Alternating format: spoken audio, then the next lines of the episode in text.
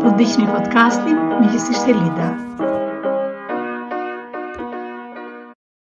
Miq, është kënaqësi në fakt, kur shikoj shumë nga miqtë e mikeshat e mia, që më prezantojnë miq e mikesha të tyre, të cilët duan të fillojnë të marrin në dorë të ndryshojnë karrierën e tyre në drejtimin që ata duan ta marrin dhe ata duan ta vendosin vetë. Ne në fakt kemi dy programe me cilat ne punojmë fort, është një program individual që quhet programi i trajnimit për tregun e punës dhe është një program që punohet në grup që quhet The Pro Act. Në këtë episod që po sjellim sot, në fakt do ndajmë më shumë për sa i takon programit të parë, atij që punohet individualisht. Është një program i cili bëhet një herë në javë për shtatë javë. Dhe në fund të saj njerëzit kanë në dorë atë që unë e quaj një blueprint të karrierës së tyre, ose e thënë në një format tjetër analog do të thosha autostradën e, e karrierës së tyre. Ju lutem ndiqeni dhe na shkruani nëse keni pyetje të tjera. Ju uroj dëgjim të këndshëm. Miqësisht Elida. Mirdita miq, mirë se vini në takimin tonë të radhës. Ndodh që 3 ose 4 herë në javë, dikush nga miqtë apo mikeshat e mia më kontakton me kërkesën për një shok apo shoqe të tyre dhe thonë që ka nevojë për një çik pozitivitet. Ose kur jemi mikesha të mira, duke dashur të më bëjnë kompliment thonë, i duhet çik Elida. Në përgjithësi është mënyra se si të vijnë, se si vijnë klientët e rinj tek unë. Në bisedat e para me këta persona, pyetja e parë që u drejtoj është çfarë mund të bëj për ju. Pasi ju kam shpjeguar si punojmë ne dhe çfarë realizojmë përmes programit tonë stërvitor për tregun e punës, gati 90% e tyre më bëjnë të qartë që duan të ndrojnë punën dhe të gjejnë diçka më të mirë. Më lejoni të sjell te ju një bisedë me një person real që kam pasur sot dhe që i mora leje që ta ndaj me ju. Me qëllim të tregoj tamam se çfarë ndodh në tregun e punës, kur ne kemi këtë lodhje mendore ose rrëmujë mendore. Unë, pse do të largohesh nga puna? Nuk për, nuk përfiton më atje, nuk mëson më gjë të re, apo mendon të dalësh në biznesin tënd? Ajo, jo, jo, puna më pëlqen dhe ia kam marrë dorën, edhe pagesa nuk është keq, por nuk shtyhet më. Unë, domethënë ka të bëjë me dikë aty, me shefen, shefin, apo dikush tjetër në pozitë sipër teje, që ta bën jetën të vështirë? Ajo, jo, jo, në fakt asnjëra nga këto, po dhe të gjitha bashkë. Nuk di si ta shpjegoj, po jam lodhur dhe nuk shoh asnjë gjë të mirë aty më. Nuk kam asnjë dëshirë të shkoj në punë, dhe as të bëj sa bëja në fillim, më duket kot fare, më duken pa kuptim, edhe sa kam bërë përpara. Nga ana tjetër, nuk jam as për shpi, as për familjen. Dhe po marr pa kuptim edhe kile të tepërta, siç sheh. Kam menduar edhe të iki fare nga Shqipëria, nuk bëhet këtu, po nuk është aq e lehtë, nuk ik dot. Kam ndërtuar një karrierë tani, po kjo shoqja ime më tha të vij t'ju takoj një herë dhe ty. Po e ndërpres një moment rrjedhën e bisedës me të dhe po e drejtoj me juve miq. A ju duket se është faji këtu i punës që po bën kjo zonjë? Po A është faji i kompanisë apo dhe i Shqipërisë fare? Shiko, edhe mund të jenë, Po dhe këto janë faktorë që ndikojnë shumë, shumë duhet theksuar. Por më qartësisht duket për këdo nga ne që dëgjojmë që kemi të bëjmë me njeri të lodhur, të quajtur rëndom në këtë kohë një lodhje mendore ose të stresuar, të ndar ide, dhe shpesh herë sipas meje me një rrëmujë në fakt mendore. A ka lidhje në praktikë midis gjendjes së stresit të madh dhe rrëmujës mendore? Të dyja duken njësoj dhe janë në fakt që shiten shpesh herë për të njëjta gjëra. Po le të vemi dallim midis tyre. Jo nga ana psikoanalitike apo klinike apo termat përafërt, po le të flasim drejtpërdrejt si gjenden në tregun e punës. Si i shoh shpesh herë në klientët që vijnë Gjendja e stresit të madh mbi sistemin nervor është si një superpunim pa pushim, pa bërë një reboot të gjithë sistemit apo makinerive të trupit të njeriut. Pa shabatin e nevojshëm për të cilin ne jemi të krijuar që ta marrim, qoftë në formën e gjumit gjatë 24 orëshit, qoftë në përdorimin fizik të trupit tonë në formën e ushtrimeve të ndryshme, qoftë në shplodhjen sociale për të cilin kemi po aq shumë nevojë. Pra mungesa e këtyre në fakt sjell një stresim të madh, një ngarkesë të madhe mbi sistemin tonë nervor. Ndërsa, rrëmuja mendore, për mendimin tim, është një fenomen social sot në tregun e punës që ka të bëjë me disa elementë ose me shumë elementë, por që unë do sillja ato që dalin më të shpeshta në punën me klientët e mi. Ju lutem, hidhni një sy dhe Ku jeni ju vetë, ndërkohë që më dëgjoni? Elementi i parë është për shembull të pasurit e të menduarit stresues. Elementi i dytë, të funksionuarit me një planifikim të dobët ose të munguar dhe një element tjetër është të jetuarit me psikologjinë e mungesës ose të varfërisë në mendje.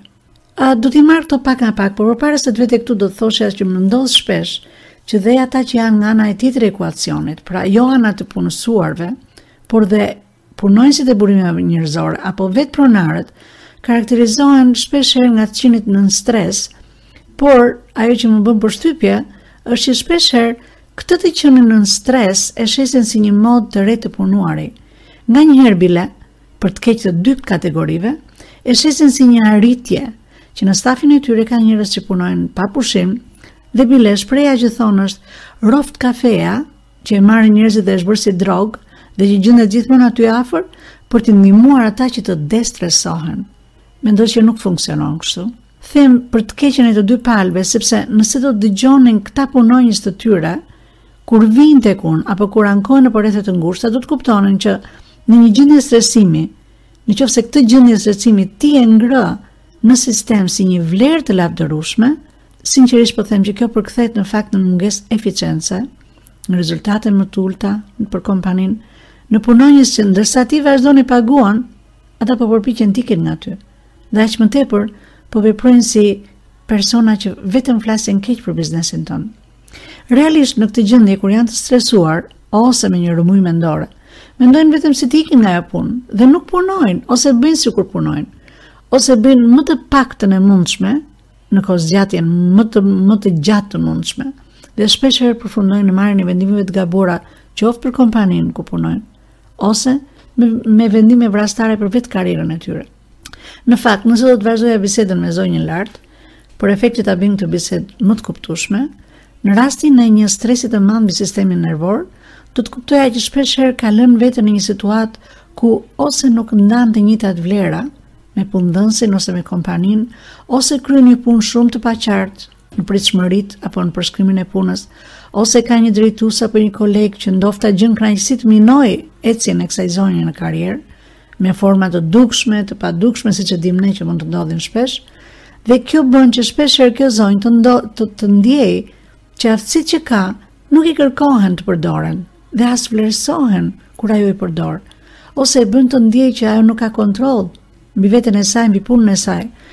Dhe shpesh herë kjo mund të jetë qoftë në formën e një super aktiviteti, të punosh me orë të zgjatura, me një intensitet shumë të lartë, ose me një monotoni vrastare, gjë që sjell një nevojë që ti ndjen të punosh më shumë me një rezultat më të ulët, dhe në parim, është një person që me një situatë të tillë në punë, edhe kur vjen në familje, apo në marrëdhënien kryesore të saj, sjell këtë negativitet dhe sjell një mungesë dëshire për jetën jashtë pune. duke e kthyer në fakt punën që ka në atë moment në Zotin e vet, ku për çdo gjë i drejtohet asaj. Pra, siç shikoni, në këtë rast janë prishur gjithë balancat në jetë.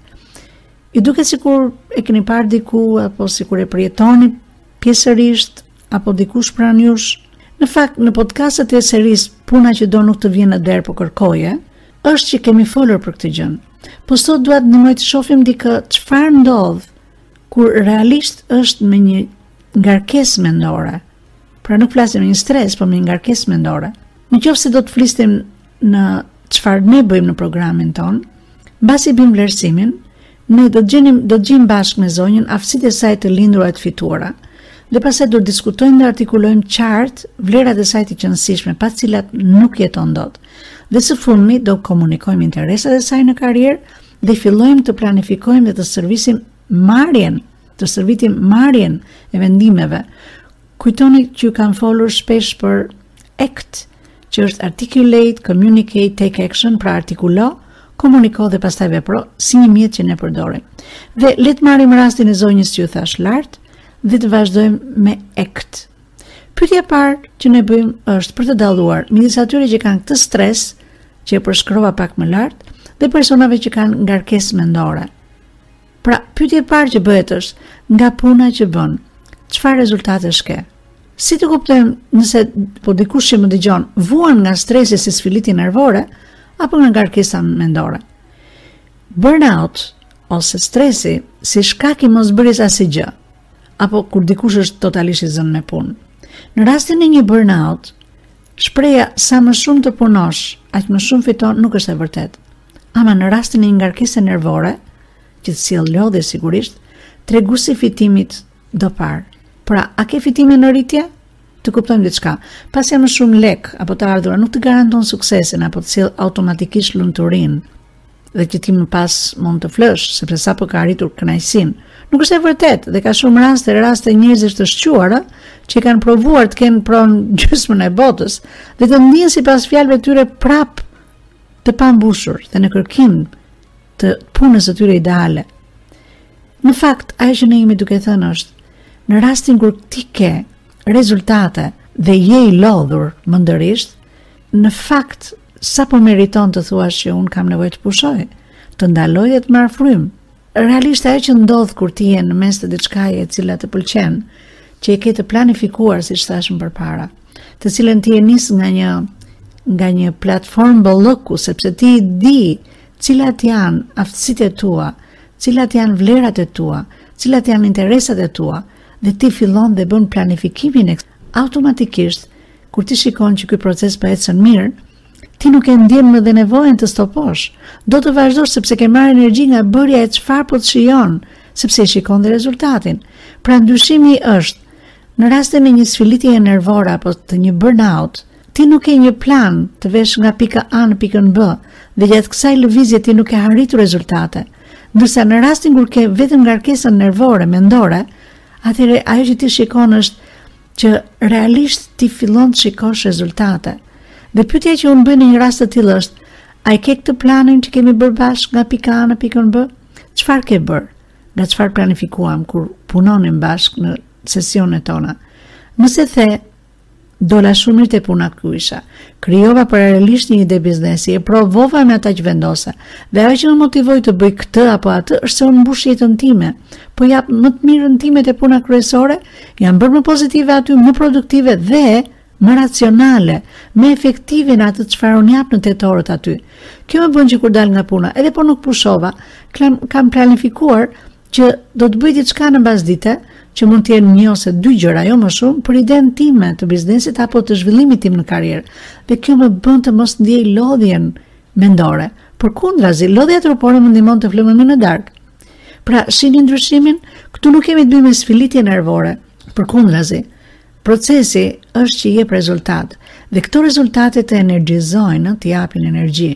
Shpeshherë të ndodh që bën një punë, që kaq shumë je i kënaqur sa në fund fare thua, wow, edhe edhe do paguhem, ka shumë njerëz që kur i sheh që janë në këtë stad, që duken të lodhur, Që janë të lodhur, por janë, siç thotë populli, persona që nuk lënë dy gurë bashkë, po i kthejnë përmbys të gjitha, për të parë çfarë mund të bëjnë, për të realizuar atë që kanë planifikuar. A janë gjithmonë suksesshëm?